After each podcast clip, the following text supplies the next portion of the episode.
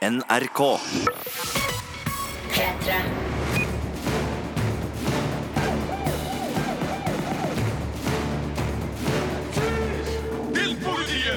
Hjertelig velkommen til en ny podkast fra oss i Filmpolitiet.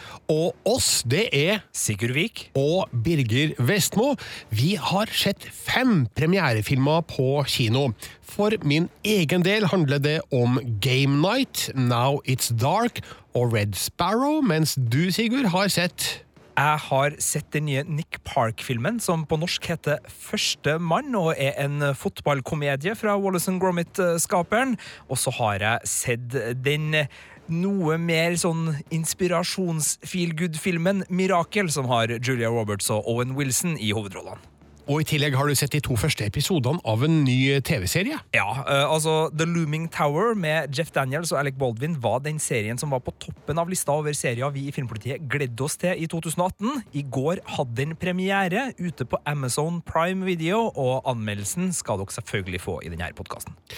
For dere som savner litt Oscar-prat, så kan vi anbefale en annen podkast fra oss i Filmpolitiet. Ja, for det, for det er fra oss i Filmpolitiet, ikke en annen podkast, så, så ikke begynn å, å lete nå. Men eh, jeg og du, Birger, vi skal ta oss en ordentlig Oscar-prat, der vi skal både fortelle folk hvordan de kan få sett herligheten, og ikke minst gå igjennom filmene og skuespillerne som er nominert i de store kategoriene, og kanskje driste oss til et par eh, sånn eh, spådomtips om hvem som kanskje til og med vinner. Det er i hvert fall Oscar på søndagen, så hvis du vil vite mer om det, sjekk ut Oscar-podden vår, som også kommer ut i dag. Men i denne podkasten dreier seg om de nye filmene og den nye serien, og vi starter først med Game Night. P3. Filmpolitiet anmelder film. Tonight, we're taking game night up a notch. We don't need a board and we do not need pieces. Someone in this room is going to be taken. Oh, it's a murder mystery party. Fun! Whoever finds the victim wins the grand prize, the keys to the Stingray. Just the keys? No, Ryan, the whole car. Ja, og bare der eh, skjønner jeg at ja, det her er en morsom film. Game Night med Jason Bateman og Rachel McAdams, eh, den kan jo egentlig bare anmeldes eh, sånn, Sigurd. Er filmen morsom? Ja, den er morsom! Det er jo perfekt. Det høres jo ut som det her er en slags blanding av brettspill, brettspillkveld med familien, uh, gone really, really wrong, og så står det tydeligvis noe på spill, for den her Stingrayen, er det en bil eller noe? Det høres ut som det var noe motordur. Ja, Saken er den at vi følger da ekteparet Max og Annie, uh, som er veldig competitive eh, når det gjelder spilling med sine venner, og da handler det om brettspill og miming og alt sånt man gjør hjemme hos seg sjæl. Jeg kjenner et par sånne folk. Ja, eh, og de går veldig opp i oppgaven, tar det veldig seriøst. Men så har Max et litt betent forhold til storebroren sin Brooks, eh, spilt av Kyle Chandler, eh, og når han melder seg på å invitere dem til spillkveld, så skjønner man at her er store ting på gang, fordi premien til den som går av med seieren, er da en Stingray, en utrolig tøff bil som Max har drømt om i mange år, og ja, det er jo da klart at her går man all in for å vinne den store premien, ikke sant? Så viser det seg da at eh, det spillet som Brooks har planlagt, eh, er litt spesielt, og eh, det fører dem ut på ville veier, kan jeg si det? Det kan du si. Eh, Og de må ut av huset da for å eh, løse oppgaven. Jeg tror ikke jeg skal si så mye mer, men det blir ganske eh, virkelighetstro, da. Eh, ikke alt går som planlagt, og eh, det blir ganske hardt og brutalt, faktisk. Skjønner du spillet? Altså, det er et spill man, man forstår lett, eller er det avanserte greier som storebror har Eh, mekka her? eh, Ikke noe problem med å forstå eh, spillet, eller i hvert fall det som er meninga med spillet. Men er det et spill, eller er det virkelig? For det er noen bad guys ute og går her som eh, tilsynelatende bruker ganske mye kraft for å oppnå det de har lyst til å oppnå. Så um, her dør det folk, Sigurd. Eller, eller gjør det. Vel, det Wow. her er ting som du Oi. må bare finne ut underveis. Ja, nå, nå, du minner meg om andre spillfilmer fra filmhistorien her, blant annet med Michael Douglas i en ledende rolle, men vi skal ikke gå nærmere inn på det. Og jeg må bare si, Jumanji går på kino nå. øh, den her Game Night går på kino. Altså to spillfilmer på en gang, det er jo helt utrolig. Men skuespillermessig, Birger, jeg må bare spørre deg, for både Kyle Chandler handler Og Jason Bateman, som spiller da de to mannlige hovedrollene her, er jo eh, seriefavoritter for mange. Jason Bateman sist nå i Ozark, tidligere Arrested Development, og Chandler da fra Set, uh, Friday Night Lights, og ikke minst da Bloodline, Netflix-serien. Uh, det er to drivende gode dramaskuespillere, ikke minst. Eh, Hvordan funker de her i, i samspill med hverandre? Ja, de funker kjempebra. Altså, nå oppfatter jeg uh, Jason Bateman mer som en uh, komiserieskuespiller. Det har du jo rett i. Uh, og han får virkelig bruk for eh, sin komiske teft her, sammen med Rachel McAdams. Da. Det er de som driver eh, filmen og humoren fremover. Og så er de godt hjulpet av et eh, veldig sprekt manus skrevet av Mark Paris, som har proppa det full av referanser som man kan sitte og nikke anerkjennende til og, og le av. og eh, her er det blant annet mange filmreferanser da, som man kan godte seg over, eh, uten at jeg skal røpe dem her, for litt av moroa er jo å oppleve det her i kinosalen. Et slags spill i spillet om filmen som handler om et spill? Det kan du på en måte si, ja. Og så er tonen på filmen perfekt eh, i forhold til innholdet. Altså, når eh, Annie, altså Rachel McAdams sin figur, blir trua av en bad guy som dør en forholdsvis voldsom død, og så sier hun 'yes'! Og så tenker hun seg om et par sekunder og sier hun 'å nei, han døde'! Og det er den måten filmen eh, serverer sin humor på. Det er litt sånn slepen, svart eh, humor, og det er av den typen der, sjøl om det foregår ganske voldsomme, brutale ting på lerretet, så så er det fremdeles gøy, og det er moro, og man sitter ikke igjen med en sånn vond bismak, fordi at det her er blått til lyst. Og jeg syns Game Night fungerer overmåtelig godt. Eh, En Oscar-kandidat er det ikke, har jeg skrevet i anmeldelsen min, for det er en sånn film man kan sette seg bare tilbake i kinosalen og bare motta og bare eh, nyte og la seg underholde av. Så det her er en skarp komedie som aldri blir kjedelig. Den varer i ca. 100 min minutter, og det er perfekt lengde da på Game Night. Så derfor har jeg gitt filmen Terningkast fire. Filmpolitiet. Filmpolitiet anmelder film. Steinalderen er over. Lenge leve bronsealderen. Hvis vi vinner, får vi dalen vår tilbake. Og hvis vi ikke vinner? Må vi jobbe nede i gruvene resten av livet. Var en gruve. Du er ganske modig, huleboer. Og korka. Jeg skal hjelpe deg.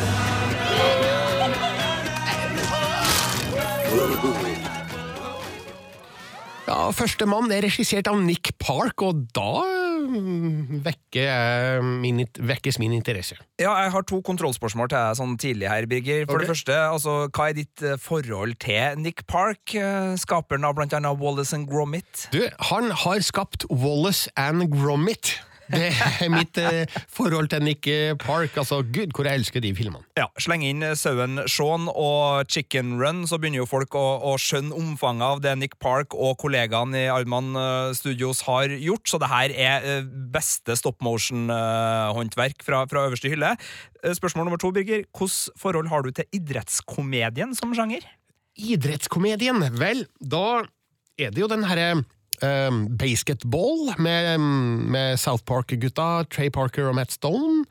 Og så liker jeg veldig godt den uh, Talladega Nights med Will Ferrell fra sånn NASCAR-miljø. Ja, jeg hadde håpa du skulle pendle over på mer sånn fotballfilmer, blant annet de her The Longest Yard og sånn, for det her er en film som egentlig er det. Det er en fotballkomedie fra Nick Park som da handler om at steinalderlaget utfordrer bronsealderlaget eh, for å slippe å jobbe i bronsegruva. Så enkelt kan det oppsummeres. Og det er kjempeartig, for at Nick Park lager kule figurer. Det er en detaljrikdom som er helt nydelig, og det er så mange vitser i samme bilderute at du sitter bare og gliser av begeistring. Men så er det jo sånn med en fotballkamp som dramaturgisk eh, drivkraft, da, hvis man skal kalle det det, det har vi jo sett en del før, så det krever liksom litt sånn ekstra å få det til å bli spennende Ja. og litt sånn Jeg har du sånn- sitter og gjetter. Jeg har sånn inntrykk av at eh, fotball på film. Det blir aldri så spennende som i virkeligheten. Det har du rett i. Som fotballsupporter så er jeg egentlig ganske enig i det. Det kan funke, men da trenger du at underdog-historia, for det er jo selvfølgelig underdog-historie, virkelig får noen sånne altså type Reodor Felgen spøler opp asfalten i Flåklypa. Altså, du må ha noen sånne øyeblikk da som bare virkelig setter i gang. Nemlig. Det har ikke ikke førstemann. Eh, og så er det jo da sånn at uten den drivkrafta så blir det ikke helt optimalt, men digger du Nick Park, så skal du selvfølgelig se den her, for det her er bunnsolid uh, håndverk fra, fra, den kanten. Og så vil jeg jo anbefale Det er dessverre sånn at uh, det er ikke alle norske kinoer som setter opp originalversjonen. Den har blant annet Tom Hiddleston i en av stemmene. Det er en fin norsk versjon, altså. det, det, er ikke noe galt med det, men for dem som er Nick Park-fan, så vil de nok ø, oppsøke den engelske. Så spore opp litt der, og kanskje legge litt press på din lokale kino hvis de ikke har satt den opp, for den finnes tilgjengelig. Så, for det anbefales med, med, original tale, tror jeg, uten at jeg har sett den. Jeg så den norske, men der var det et par sånne vitser som du liksom hører at er oversatt. Nje. Så der. og dermed får første mann Terningkast. P3. P3.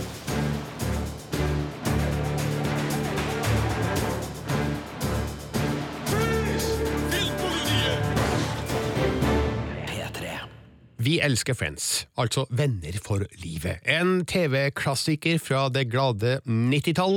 Men jeg tror ikke vi får noe gjenforening der i gården, Sigurd? Nei, vi starter altså med ganske dårlige nyheter her i Filmpolitiet. Det har jo vært stor entusiasme rundt mulighetene for enten en Friends-film eller en gjenforening. Mye trigga nå nylig av en falsk trailer som gjorde stor suksess på YouTube, som hadde bare klippet fra andre filmer de hadde spilt i, og satt sammen et lite djevelens verk for å, å pirre publikum der. Og så er det jo sånn at vi ser at alle de andre 90-tallsseriene og 2000-tallsseriene, Fuller House og Will and Grace og alt det der, driver jo og kommer opp igjen, så folk er jo liksom bare den store, store elefanten. Få Friends tilbake. Men på, jeg tror det var fransk radio denne uka som var, så har da Joey, eller Matt LeBlanc som han liker å kalle seg i virkeligheten, eh, helt litt kaldt vann i årene på dem som vil ha en reunion, eh, fordi han sier at det er jo ikke noe artig å se Friends nå. Altså, De var jo i 20-årene da Friends eh, var, var, kult, og nå er de jo ikke det lenger. Så det å se disse folkene, altså for å sitere den, da um, To see what the, uh, those characters are doing now, I think it's almost a case of uh, the book is better than the movie. Everyone's imagination uh, that they're doing it, uh, that the characters are doing better, but to see Joey at his colonoscopy Og jeg vet ikke helt hva det er, men det høres ut som noe, noe sykdom, ikke det? At du går inn med noe kamera og kikker litt opp i, i ratata, og han har jo et poeng, det å se litt sånn her småsjuke, kanskje kreftramma Friends-figurer i, i 2018 eller 2020, som det sikkert blir da. Det kan jo være greit å la den hvile, men sjøl om eh, LeBlanc sier det her, vi har ikke helt eh, gitt opp håpet, Birger. Fun fact, eh, for noen uker siden så var jo Matt LeBlanc i Norge. Han filma et eller annet for Top Gear i Sverige, og så fløy han ut fra Trondheim lufthavn Værnes. Det betyr at han kjørte forbi huset mitt. Wow. Ja, altså et par hundre meter da, unna. Men Joey fra Friends har vært et par hundre meter unna huset mitt. Og så må jeg lese om de her nyhetene på internett via fransk radio, Birger, når du kunne bare ha huka tak i LeBlanc og fått det her førstehåndsinformasjon. Ja, jeg beklager det, sikkert Skal aldri gjenta seg.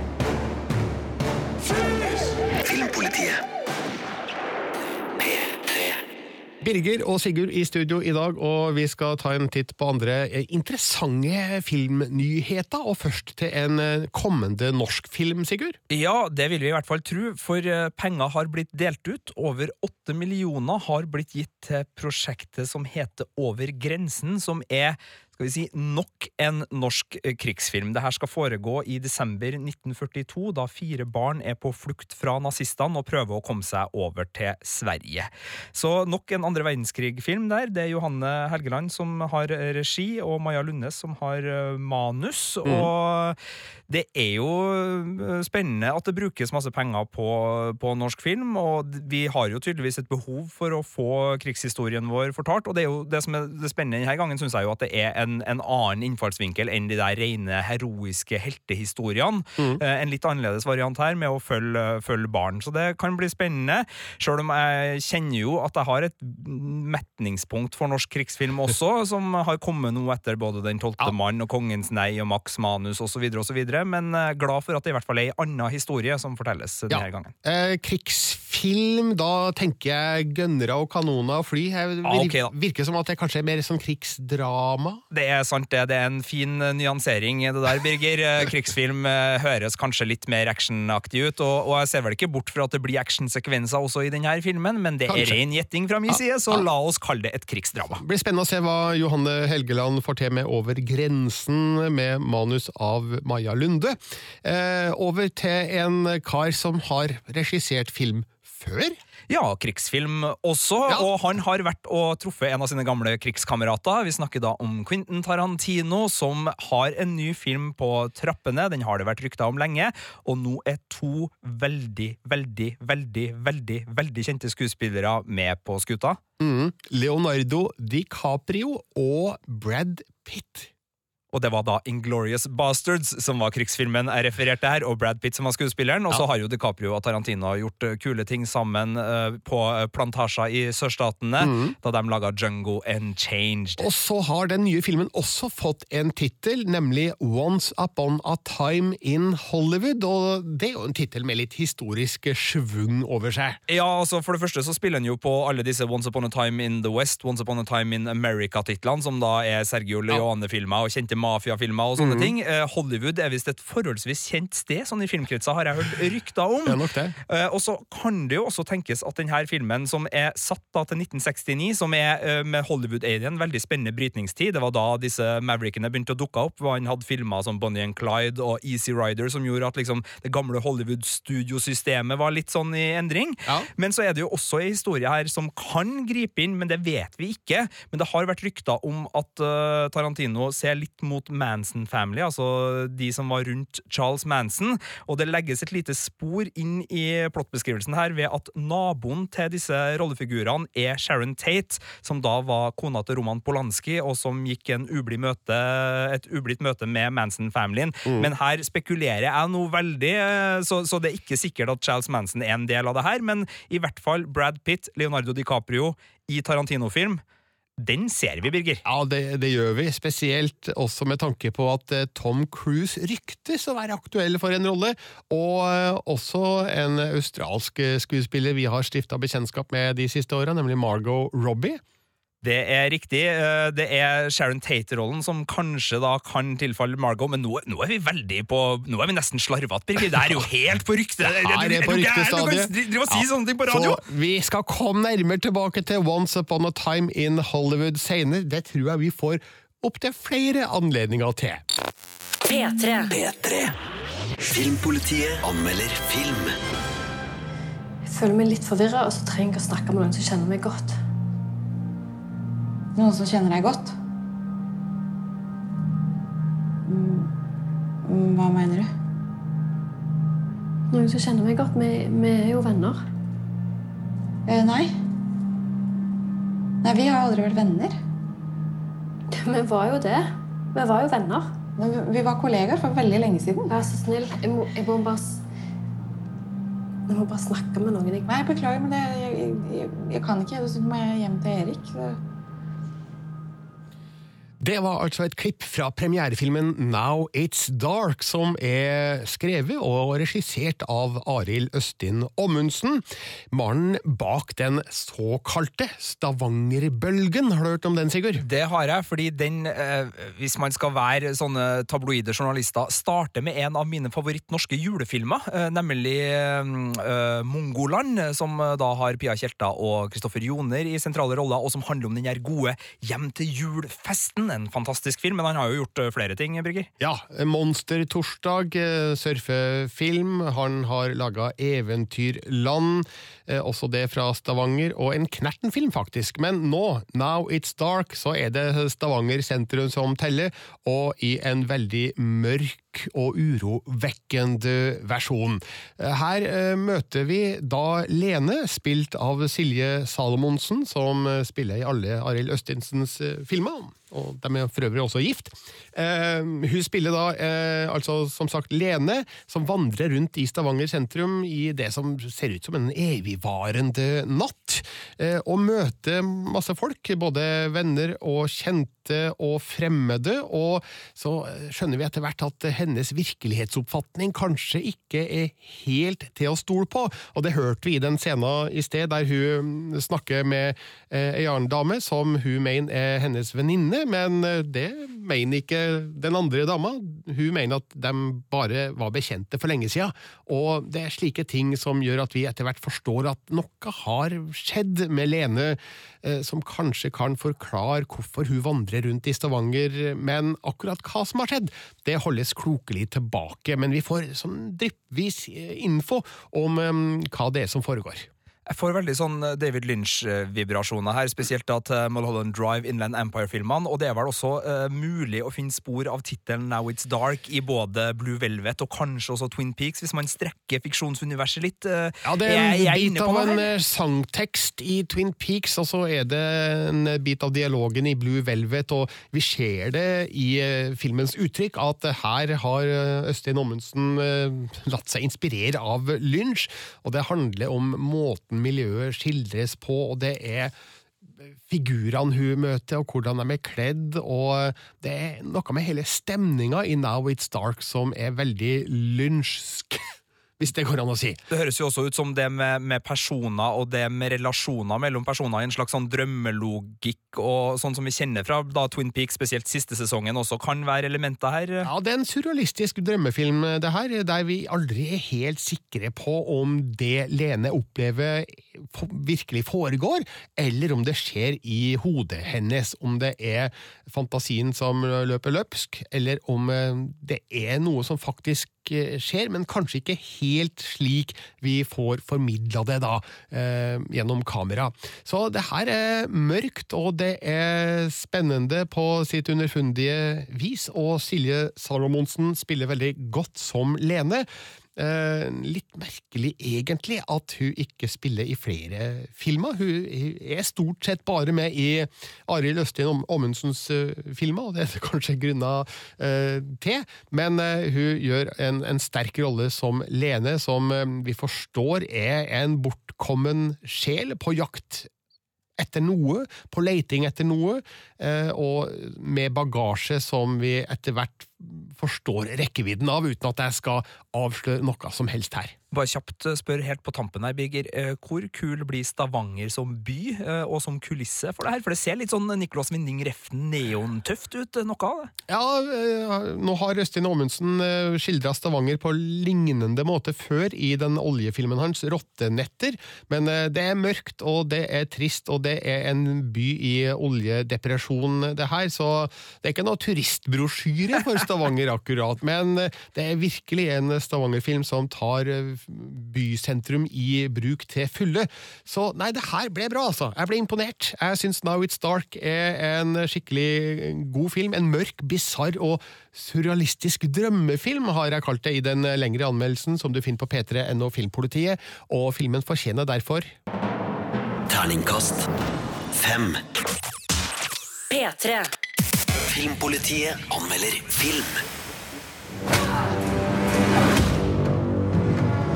Is a traitor in the government. His last known contact is an American. Get close to him. I thought I saw you in the pool yesterday. Are we going to become friends? Is that what you want? She's a sparrow. You only matter because of what you can do for them. Work with me and make these men pay. Jennifer Lawrence spiller hovedrollen i Red Sparrow, og bare for å ha sagt det med en gang, Jennifer Lawrence hun er alltid god. Hun, jeg, liker hun. Hun gjør alltid solide ting, uansett hva slags sjanger hun spiller i. Og det gjør jeg også her, som russisk agent. Du kan se for deg Jennifer Lawrence som agent.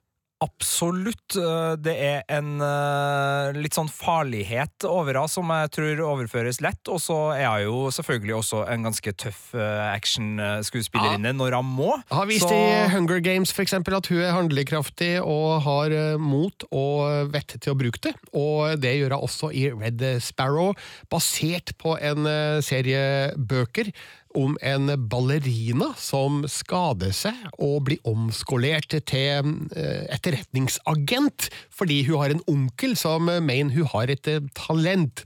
Og klart, det er et litt sånn lattervekkende utgangspunkt som kanskje de kommer unna med i bøkene, men eh, i filmen Nei, jeg, jeg får ikke helt eh, den, den, det utgangspunktet til å stemme, da. Er det onkelen som blir problemet, eller er det Nei, talentspottinga? hele eller? ideen om at en ballerina skulle plutselig omskoleres til å bli en eh, drapsmaskin, eh, og da, da er du over i et fantasiunivers, ikke sant? Og det eh, kunne jo ha gått an, men eh, i Red Sparrow så eh, går de for den skikkelig ja, skal vi kalle det realistiske linja? Altså, det er en veldig seriøs agentfilm, hvis du forstår. Og klart, det er elementer her som eh, det går an å sette pris på, blant annet miljøskildringa, og den er veldig pent filma av Francis Lawrence, som ikke er i relasjon til Jennifer Lawrence, men de har jobba sammen før på tre Hunger Games-filmer. Så den, den er vakkert filma og godt utført, sånn rent teknisk, men det er historien, da. altså Én ting er nå selve utgangspunktet, men så blir hun sendt på en, en agentskole der Charlotte Rampling, den, den eh, gamle britiske veteranskuespilleren, er sjef, og du tror ikke et sekund på at det der er en eh, agentskole, fordi det som foregår der, ja, det er bare sånn far out-ting, og det meste ser ut til å handle om sex, egentlig, og at eh, agentene der skal læres opp til å bruke kroppen sin som et uh, våpen. Eh, Sånn honningfelleopplegg er her. Ja, eh, eh, Red Sparrow heter det den heter fordi den typen agent som denne ballerinaen eh, utdannes til å bli, kalles en spurv. En sparrow. Eh, Bare at det foregår på russisk-engelsk, da, så det blir sparrow. Selvfølgelig. Jack Sparrow? Ja. Og, og så etter tre sekunder på den skolen, da, så er hun plutselig uteksaminert, eller i hvert fall eh, dyktig nok til, til å sendes ut i operativ tjeneste. Og da eh, får hun oppdrag om å spore opp eh, en muldvarp eh, innad i eh, den eh, russiske regjeringa. Og hun eh, møter da en eh, amerikansk eh, agent, spilt av Joel Edgerton, som er den amerikanske kontakten til denne muldvarpen. Og så finner de ut at de har kanskje gjensidig nytte av hverandre, faktisk. Det er uh, ikke umulig å tenke i veldig forskjellige retninger når du beskriver det her nå, Birger. Jeg tenker litt Kingsman med det her skolegreia. Jeg tenker litt sånn eh, Avengers og Natasha Romanoff eh, med tanke på bakgrunn og agenten og alt det der. Og så tenker jeg litt sånn The Americans, spenningsserien som handler om sleeper-agenter fra Sovjetunionen i USA. Og så får jeg litt sånn uh, Muldvarpen, James Le Carre, litt sånn gammel, ordentlig britisk spionasje som sitter på benker i Moskva med aviser og hatt og sånn. Eh, Slites den litt imellom diverse uttrykk, eller eh, har den en helhet i, i spionstilen sin? Nei, Den forsøker både å være agent-action-film og agentdrama-film, og da lykkes de ikke helt med den miksen, fordi eh, actionsekvensene er langt unna Jason Bourne og James Bond-territorium, mens eh, dramatikken ikke når eh, de samme høydene som eksempel The Americans og, og, og Muldvarpen, og ikke minst Le Byrå, da, den franske serien som ligger på nrk.no nå. Så det blir verk, verken fugl eller fisk da, for Red Sparrow, selv om det burde jo vært fugl. Jeg tror det heter verken Red Sparrow eller Red Herring når det er Nei da, unnskyld. Takk for meg. Ja, så Sjøl om Jennifer Lawrence eh, er god i hovedrollen, så blir Red Sparrow dessverre en eh, skuffelse, og det er mest av alt historiens skyld. Og jeg håper at eh, bøkene, for det finnes visst tre av dem hvis ikke jeg tar helt feil, de skal visst være bedre, da. Men eh, ja ja, gi den en sjanse hvis du er veldig stor fan av Jennifer Lawrence eller av eh, agentsjangeren. Men eh, jeg tror ikke at det her er det beste du ser på kino i år, og jeg gir Red Sparrow Terningkast tre. Filmpolitiet.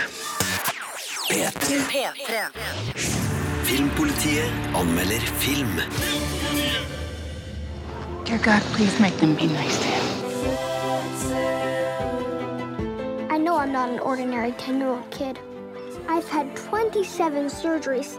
They've helped me to breathe, to see, to hear without a hearing aid, but none of them have made me look ordinary. Look at his face. I've never seen anything that ugly in my life. If I looked like him, I'd swear I'd put a hood over my face. Mirakel er altså en film med en fantastisk skuespiller i hovedrollen, nemlig Julia Roberts. Det Er lov å si det, Sigurd? Det er lov å si, og uh, la oss nå bare ta filmplakaten til, til Mirakel litt her. Du har Julia Roberts og Owen Wilson i hovedrollene. Du har en inspirerende historie fra bestselgerboka Wonder som manus, og så har du masse sjarmerende barneskuespillere i de ledende barnerollene, blant annet da Jacob Tremblay, som er et stjerneskudd av en elleveåring fra Hollywood. Så der har du liksom alt du trenger for å, å like det, og så må jeg bare skyte inn at jeg er litt sånn smått allergisk mot sånne kvalmende, tamme livsmottofilmer hvor alle sammen ser ut som de spiller i en reklamefilm, men meg om det.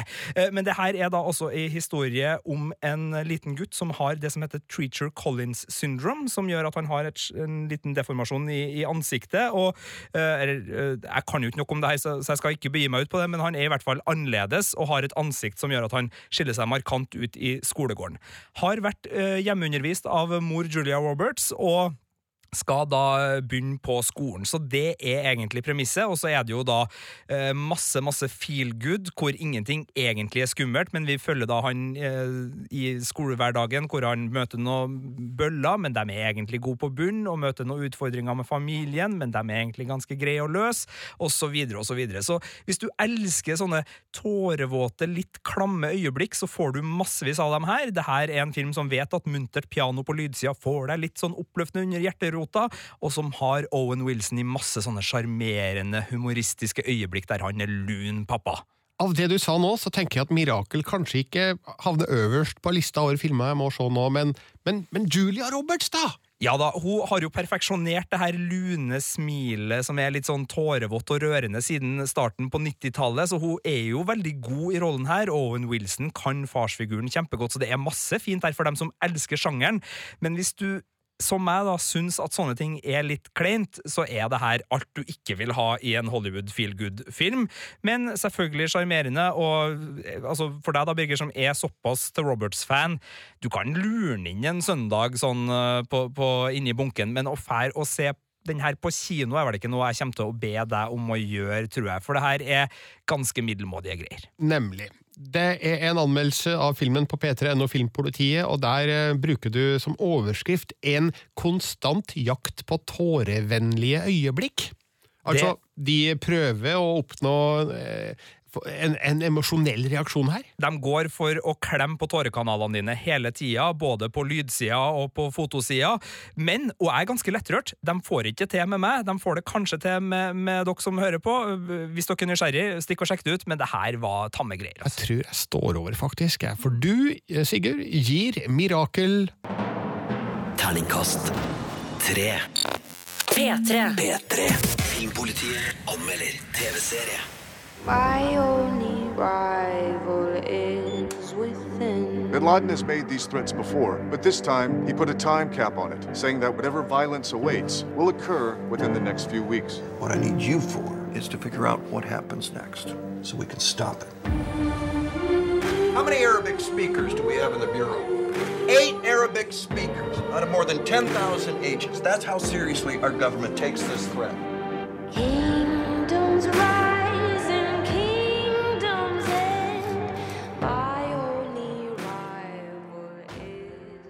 The Looming Tower hadde premiere på Amazon Prime i går. Og Sigurd Vik, du som har sett på den serien, du må fortelle oss Arner, hvor får man sett den egentlig? Eh, Amazon Prime er en strømmetjeneste som eh, fungerer på samme måte som HBO og Netflix og Viaplay og Sumo og dets like. Den er, veldig lett å få tak i i app-format, enten det er på en, et nettbrett eller en telefon eller eventuelt en smart-TV. Så er det bare å starte brukeren her. Ikke gå inn på Amazon, altså butikken, og, og lete der, men eh, gå inn på Amazon Prime Video-appen, så får du muligheten til å se blant annet da The Looming Tower, men også godserier som American Gods og The Marvelous Mrs. Maisel, så de begynner å få et realt bibliotek. Men altså, The Looming Tower, hva slags serie snakker vi om her? Her snakker vi om den serien Finnpolitiet hadde på toppen av lista si over serier vi gledde oss til i 2018. Den er basert på den Pulitzer-vinnende boka av samme navn, har stjerner som Jeff Daniels og Alec Baldwin på rollelista, og handler da om si to ting. Den handler om eh, Al Qaida og hvordan den organisasjonen ble bygd opp og jobba opp mot eh, 11. september. Og så handler den om hvordan FBI og CIA krangla så mye om informasjon og etterretning at de ikke var i stand til å fange opp trusselen og skjønne at det her eh, gikk galt før det var for sent. Så det er de historiene da serien følger. Den legger hovedfokuset eh, på eh, kampen mellom CIA og FBI, som skal liksom samarbeide om etterretninga her, men som skjuler informasjon for hverandre. Hovedkonflikten er at FBI vil ha bevis for å dømme forbrytere. CIA mener at øh, informasjon mister verdien sin hvis de blir loggført som bevis. De er mer for øh, ja, eliminering og altså litt sånn konspiratoriske greier og, og hemmelighetshold. Da. Så der har man den konflikten. Og så følger man også Det starter i 98, det her, så man følger da ambassadebombinga i, i Afrika, i både Kenya og, og Tanzania, tror jeg det var, øh, og flere historiske hendelser. Så det er en dramatisering av virkeligheten som på mange måter er troverdig og god, men som også dikter. Eh, Her finnes det CIA-agenter som aldri eksisterte i virkeligheten, men som er der for å gi oss en skikkelig nevemagnet da, og rette aggresjonen mot. Jeg ser på plakaten til The Looming Tower, så ser vi i bakgrunnen eh, tvillingtårnene i World Trade Center. Altså, hvor kommer 9-11 inn i den serien? Eh, I utgangspunktet så ligger den eh, som et eh, litt sånt eh, åpent sår i framtiden, men eh, deler av historien fortelles i tilbakeblikk, så vi befinner oss, jeg tror det er i 2004, eh, i høringene etter eh, 11. september, eh, da FBI-agenter avhøres om eh, hva det var egentlig som skjedde, og så spilles det tilbake. Så eh, den ligger der hele tida, litt som tittelen antyder, looming in the, in the background, og jo, vi vet jo hvordan det her ender, og hvor tragisk det blir. Men det er en viktig serie for å både forstå øh, hvem øh, som øh, utførte de her angrepene, hvem de var, men også veldig mye for å forstå bakgrunnen for den krigen mot terror vi har hatt senere, og også øh, en liten sånn hjelper for serier som Homeland og 24 og sånn, for man ser hvor man henter inspirasjon for det her etterretningskranglinga i, og det med hemmelighetshold internt innad i en regjering som man egentlig regner med skal jobbe sammen.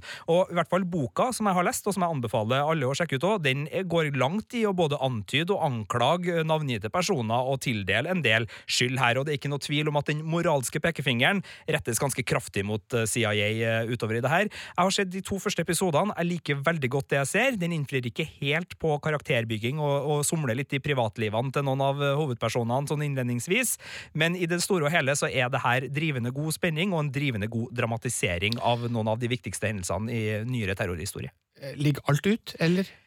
Nei.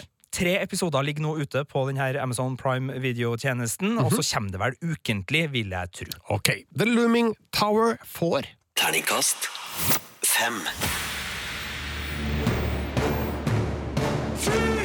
Filmpolitiet. Da har vi vært igjennom alle de nye kinofilmene, én serie og noen nyheter fra filmens eh, verden.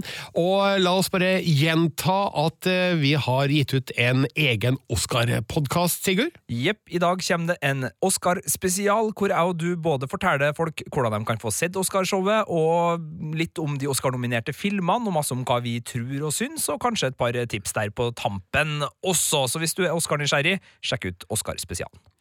Eh, Vi, vi blir veldig glad hvis du går inn på eh, det stedet der du henter podkaster og gir oss eh, en rating, helst en god en, da, og, og litt tilbakemelding hvis man ønsker å, å fortelle oss om vi er skikkelig flinke eller skikkelig dårlige. Jepp, og det tåler vi også å få på e-post. Filmpolitialfakrøll.nrk.no fungerer utmerket der.